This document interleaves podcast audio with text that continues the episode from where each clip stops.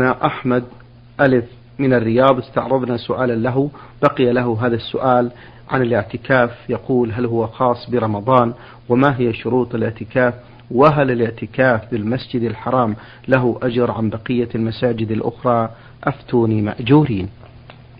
الحمد لله رب العالمين وأصلي وأسلم على نبينا محمد وعلى آله وأصحابه ومن تبعهم بإحسان إلى يوم الدين. الاعتكاف هو لزوم المسجد لطاعة الله عز وجل. هذا هو الاعتكاف الشرعي. نعم. أن يلزم الإنسان نفسه البقاء في مسجد من مساجد الله عز وجل ليتفرغ للعبادة من صلاة وذكر وقراءة قرآن وغير ذلك مما يقرب إلى الله تعالى من العبادات. هذا هو الاعتكاف. والاعتكاف المشروع المطلوب المطلوب من الإنسان فعله هو الاعتكاف في العشر الأواخر من رمضان. كما كان النبي صلى الله عليه وسلم يفعل. فإن النبي صلى الله عليه وسلم كان يعتكف العشر الأواخر من رمضان تحريا لليلة القدر. وكان قبل ذلك قد اعتكف العشر الأول ثم الأوسط ثم قيل له إنها في العشر إنها أي ليلة, أي ليلة القدر في العشر الأواخر من رمضان فاعتكف العشر الأواخر من رمضان حتى توفاه الله عز وجل. ولم ينقل عن النبي صلى الله عليه وسلم أنه شرع لأمته الاعتكاف في غير رمضان ولا أنه اعتكف في غير رمضان إلا سنة ترك الاعتكاف في العشر الأواخر من رمضان ثم قضاه في شوال. هذا هو الاعتكاف المشروع أن يكون في العشر الأواخر من رمضان تحريا لليلة القدر وتفرغا للعبادة فيها. ولكن مع ذلك يصح الاعتكاف في غير رمضان. ودليل ذلك حديث عمر بن الخطاب رضي الله عنه أنه استفتى النبي صلى الله عليه وسلم فقال يا رسول الله إني نذرت أن أعتكف ليلة أو يوما في المسجد الحرام. فقال النبي صلى الله عليه وسلم أوف بنذرك. فدل هذا على جواز الاعتكاف في غير رمضان. ولكننا لا نطلب لا نطلب ذلك من الإنسان. ونقول له اعتكف في غير العشر الأواخر من رمضان لأن ذلك أقول لا نقول له ذلك لأن لأنه لم يرد في السنة. وأما ما ذكره بعض الفقهاء من أنه ينبغي للإنسان إذا دخل المسجد أن ينوي الاعتكاف مدة لبثه فيه فقول لا أصل له من السنة بل ظاهر السنة خلافه فإن النبي صلى الله عليه وسلم رغب في البكور إلى الجمعة وقال من راح من اغتسل ثم راح في الساعة الأولى فكأنما قرب بدنه وفي الثانية كأنما قرب بقرة. وفي الثالثة كأنما قرب كبشا أقرا وفي الرابعة كأنما قرب دجاجة وفي الخامسة كأنما قرب بيضة. ولم يشر النبي صلى الله عليه وسلم في هذا إلى أن ينوي الإنسان المتقدم الاعتكاف مدة بقائه في انتظار الجمعة. ولو كان هذا من الأمور المشروعة لم يكن النبي صلى الله عليه وسلم ليخفيه عن أمته لأننا نعلم أنه صلى الله عليه وسلم أحرص الناس على إبلاغ العلم وأحرص الناس على نفع الخلق فلا يمكن أن يدع شيئا ينفعهم دون أن يخبرهم به. ولا أعلم إلى ساعة هذه أن النبي صلى الله عليه وسلم أرشد الأمة إلى أن ينوي الرجل إذا دخل المسجد الاعتكاف مدة لبثه فيه. وعلى هذا فلا يسن لمن قصد المسجد للصلاة أو لقراءة العلم أن ينوي أو لدراسة أو ما أشبه ذلك أن ينوي الاعتكاف مدة لبثه فيه. ثم إن الاعتكاف يكون في المسجد الحرام وفي في المسجد النبوي وفي المسجد الأقصى وفي غيرها من المساجد. وأما ما يروى عن النبي صلى الله عليه وسلم من حديث حذيفة أنه لا اعتكاف إلا في المساجد الثلاثة فهذا إن صح فالمراد به أن الاعتكاف الأكمل والأفضل ما يكون في هذه المساجد الثلاثة لأن هذه المساجد الثلاثة أفضل المساجد على وجه الأرض وهي التي تضاعف فيها الصلاة وتشد إليها الرحال. لقول النبي صلى الله عليه وسلم لا تشد الرحال إلا إلى ثلاثة مساجد المسجد الحرام ومسجد هذا والمسجد الأقصى. وقول السائل هل الاعتكاف في المسجد الحرام أفضل من غيره؟ نعم. جوابه نعم الاعتكاف في المسجد الحرام أفضل من الاعتكاف في المساجد الأخرى ويليه الاعتكاف في المسجد النبوي ويليه الاعتكاف في المسجد الأقصى. ثم المساجد الأخرى. الأفضل منها فالأفضل. ولكن ها هنا مسألة ينبغي أن نتفطن لها وهي أن مراعاة ذات العبادة أولى بمراعاة زمانها ومكانها أي ما عاد إلى ذات العبادة من الفضائل أولى بالمراعاة مما عاد إلى مكانها أو زمانها. يعني أن الإنسان لو كان اعتكافه في مسجد آخر غير المساجد الثلاثة أكمل وأشد خشوعا لله عز وجل وأكثر في العبادة كان اعتكافه في, المس... في هذه المساجد أفضل لأن هذا الفضل يعود إلى ذات العبادة. ودليل هذا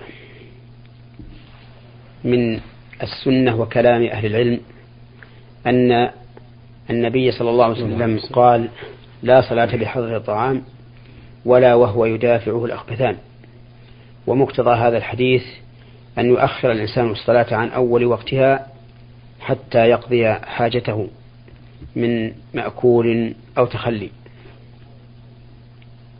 وهذا يستلزم تأخير الصلاة عن وقتها عن أول وقتها مع أن الصلاة في أول الوقت أفضل.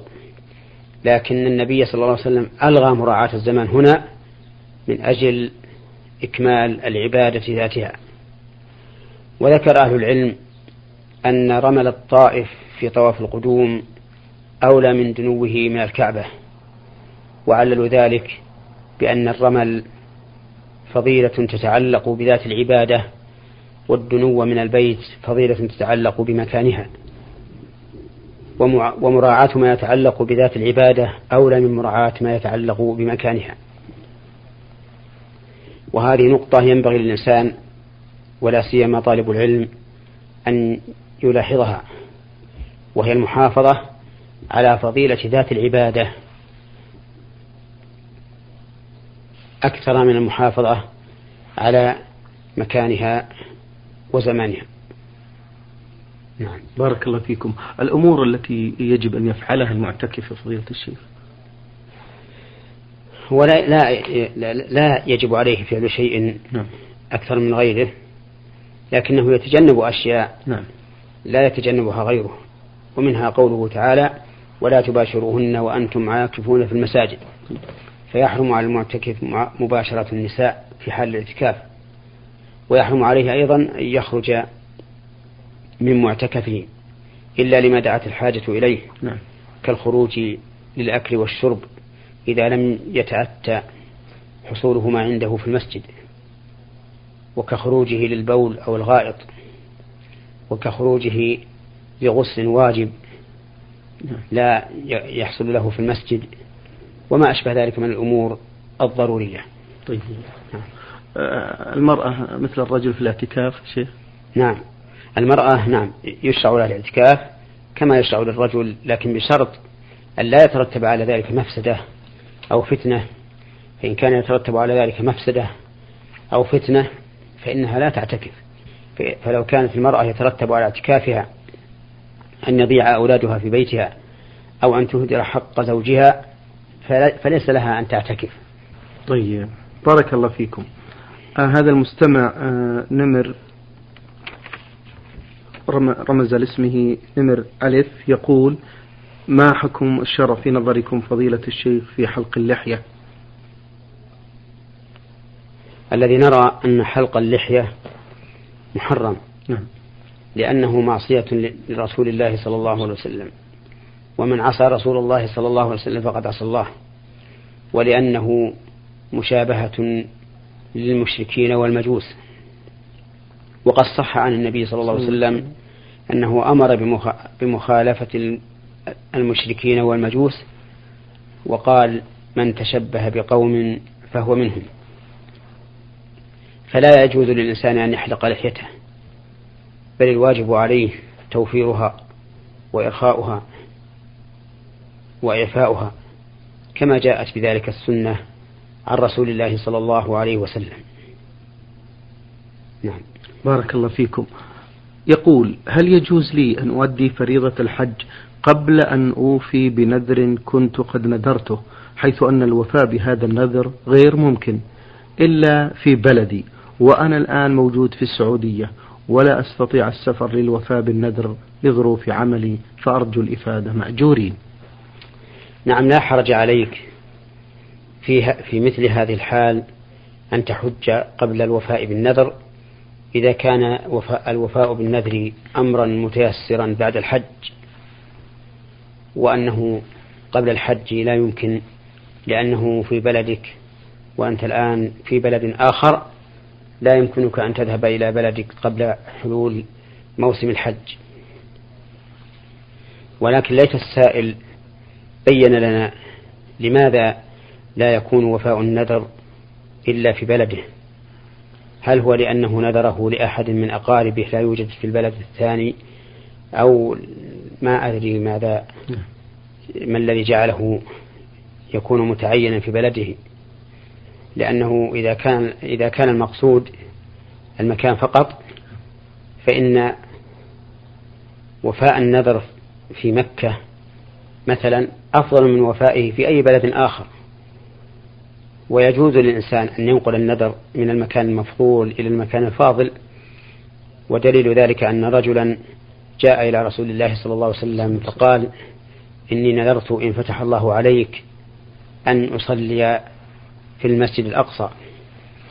فقال له النبي صلى الله عليه وسلم صلها هنا يعني في مكة فأعاد عليه. فقال صلها هنا.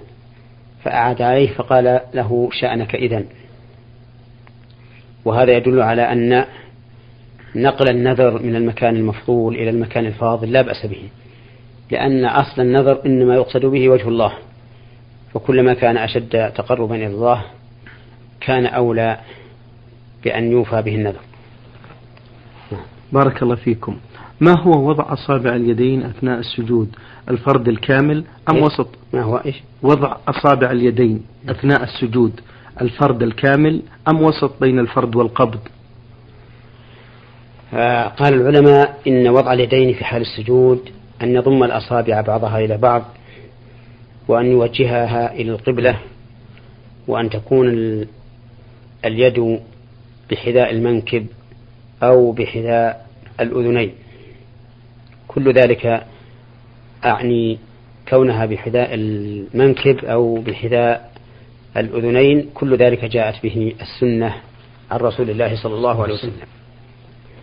أما بالنسبة للذراع والعضد فإن الذراع يكون قائما لا منبطحا على الأرض ولا مقربا منها ولكنه يكون قائما والعضد يكون منفرجا عن الجنب إلا إذا كان في الصف وكان تفريجه يؤذي من إلى جانبه فإنه لا يفعل ذلك لأن إيذاء الغير إما مكروه أو محرم والتفريج تفريج العضدين عن الجنبين أمر مستحب ولا ينبغي للإنسان أن يقع في مكروه أو محرم من أجل المحافظة على أمر مستحب. نعم. بارك الله فيكم. إذا صلى المسافر صلاة الظهر مع جماعة مقيمين بدون قصر هل يجوز له أن يجمع ويقصر العصر أم يصلي العصر جمعا بدون قصر أم يصليها في موعدها؟ إذا كان الإنسان مسافرا وصلى خلف إمام يتم فإنه يجب عليه الإتمام سواء أدرك الصلاة من أولها أم من آخرها.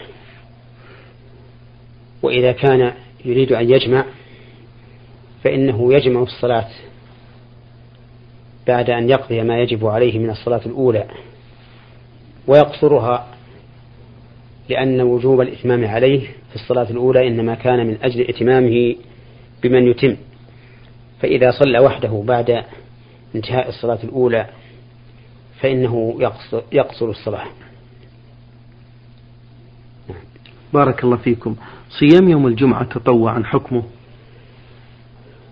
لا بأس بصيام يوم الجمعة تطوعا إذا ضم إليه الخميس أو السبت. لأن النبي صلى الله عليه وسلم دخل على إحدى نسائه وهي صائمة يوم الجمعة فقال لها أصمت أمس؟ قالت لا. قال أتصومين غدا؟ قالت لا. قال فأفطري. فدل هذا على أن صيام يوم الجمعة لا بأس به إذا ضم إليه الخميس أو السبت. أما إذا أفرده فإنه مكروه لقول النبي صلى الله عليه وسلم لا تخصوا يوم الجمعة بصيام ولا ليلتها بقيام. نعم. بارك الله فيكم. هذا المستمع خاء رمز لاسمه بهذا الرمز من الرياض. يقول أحيانا يصاب الإنسان بالزكام وهو صائم وقد يبتلع شيء من ريقه وهو صائم فهل عليه شيء؟ وهل صومه صحيح؟ آه، إذا إذا بلع الصائم ريقه فإن صومه لا يفسد بذلك. ولا يمكن لأحد أن يقول إن الصائم إذا بلغ إذا بلع ريقه أفطر. لأن تحاشي بلع الريق أمر شاق جدا ولا يمكن أن تأتي الشريعة بمثله. وعلى هذا فإننا نقول إذا بلع الصائم ريقه فإن صومه صحيح ولا يفسد بذلك. بارك الله فيكم. فضيلة الشيخ إذا كان الإنسان معتمرا واغتسل ثم خرج من جرح فيه بعض الدم فهل يكمل عمرته؟ وهل هذا الدم ينقض الوضوء؟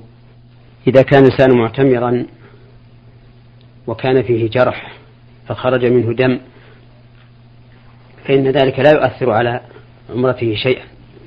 وكذلك لو كان حاجا وكان فيه جرح فخرج منه دم فإن ذلك لا يؤثر في حجه شيئا.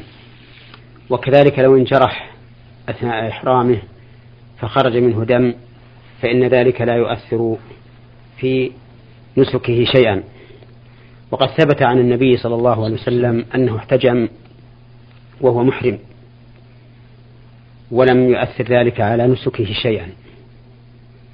وأما بالنسبة لنقض الوضوء مما خرج من الجرح من الدم فإننا نقول إنه لا ينقض الوضوء مهما كثر. فالدم الخارج من غير السبيلين لا ينقض الوضوء ولو كثر. وذلك لعدم الدليل الصحيح الصريح في نقض الوضوء بذلك. وإذا لم يكن هناك دليل صحيح صريح في نقض الوضوء به فإن الأصل بقاء طهارته.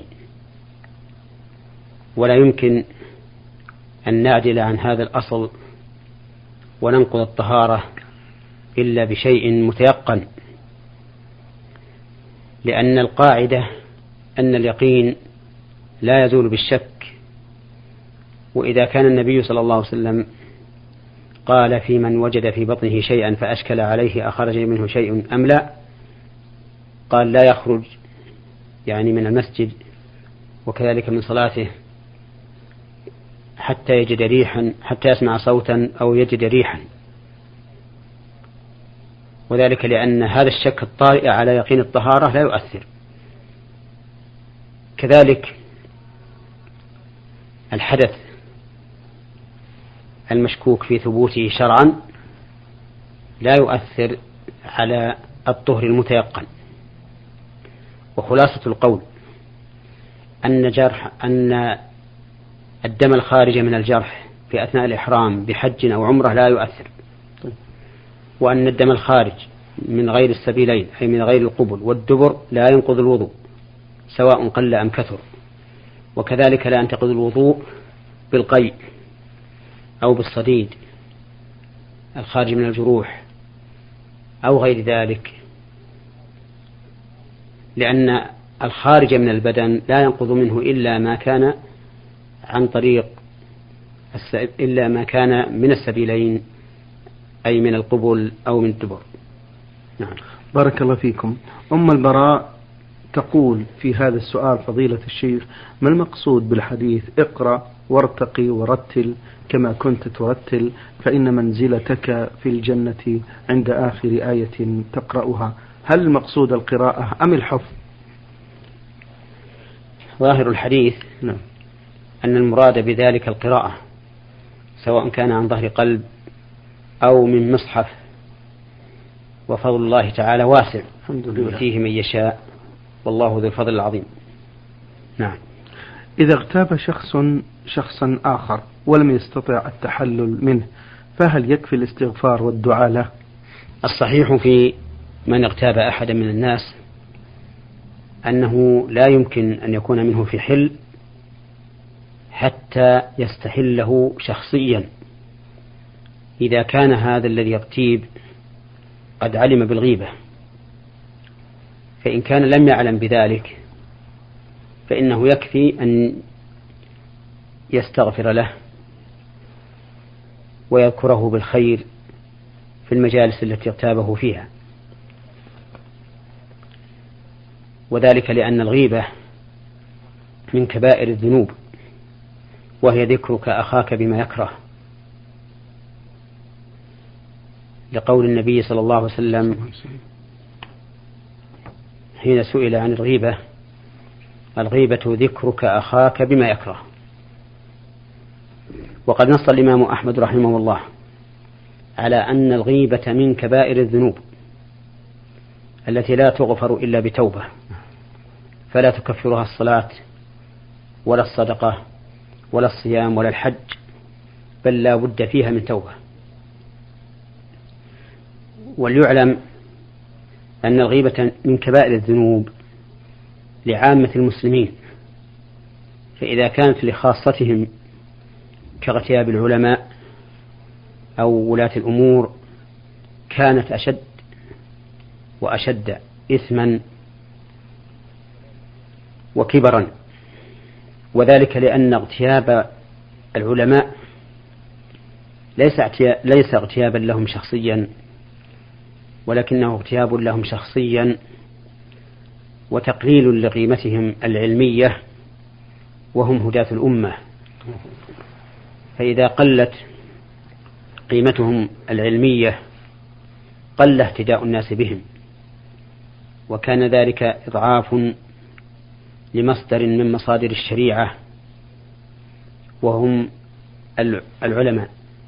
وأقول لمصدر من مصادر الشريعة لأننا لا نعلم الشريعة إلا عن طريق أهل العلم. فإنهم هم ورثة الأنبياء. فإذا قلنا قولا يقلل من شأنهم ثم قلت قيمتهم بين الناس قل قبول الناس لقولهم وانجرحت الشريعة بسبب ذلك. وأما اغتياب ولاة الأمور ففيه أيضا تقليل لهيبتهم وإضعاف لامتثال الناس أمرهم وسبب للتمرد عليهم فكانت غيبتهم أعظم من غيبة عامة الناس وأشد خطرا وأكبر إثما. لذلك أحذر إخوان المسلمين من غيبة العلماء وغيرهم من ولاة الأمور. ولست بذلك أقول كفوا عن مساوئهم ولا أن هؤلاء العلماء أو الأمراء معصومون. بل هم يخطئون كغيرهم. ولكن الطريق السليم أن نتصل بالعلماء الذين بلغنا أو رأينا منهم ما ينبغي التنبيه عليه أو يجب التنبيه عليه فنذكر لهم ما أخطأوا فيه. وهم بخطئهم قد يكونون معذورين إما بتأويل أو بجهل في الواقع أو لغير ذلك من الأعذار.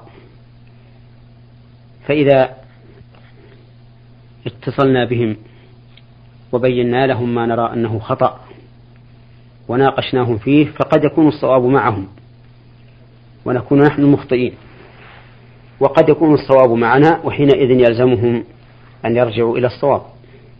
والخلاصة أن الغيبة من كبائر الذنوب لأي واحد من المسلمين. وأنها تتعاظم ويكبر إثمها فيما إذا كانت للعلماء أو ولاة الأمور. فنسأل الله تعالى أن يحمي ألسنتنا آمين. مما يغضبه. اللهم آمين. ونسأل الله تعالى أن يكفنا عن مساوئ غيرنا ويكف غيرنا عن مساوئنا. آمين. وأن يجعلنا ممن رأى الحق حقا واتبعه ورأى الباطل باطلا واجتنبه. آمين. شكر الله لكم فضيلة الشيخ. وبارك الله فيكم وفي علمكم ونفع بكم المسلمين. أيها الإخوة الأحباب أجاب على أسئلتكم فضيلة الشيخ محمد بن صالح بن عثيمين الأستاذ في كلية الشريعة وأصول الدين في القصيم وخطيب وإمام الجامع الكبير في مدينة عنيزة. شكر الله لفضيلته وبارك الله فيه وشكرا لكم أنتم. والسلام عليكم ورحمة الله وبركاته. نور على الدرب. برنامج يومي يجيب فيه أصحاب الفضيلة العلماء.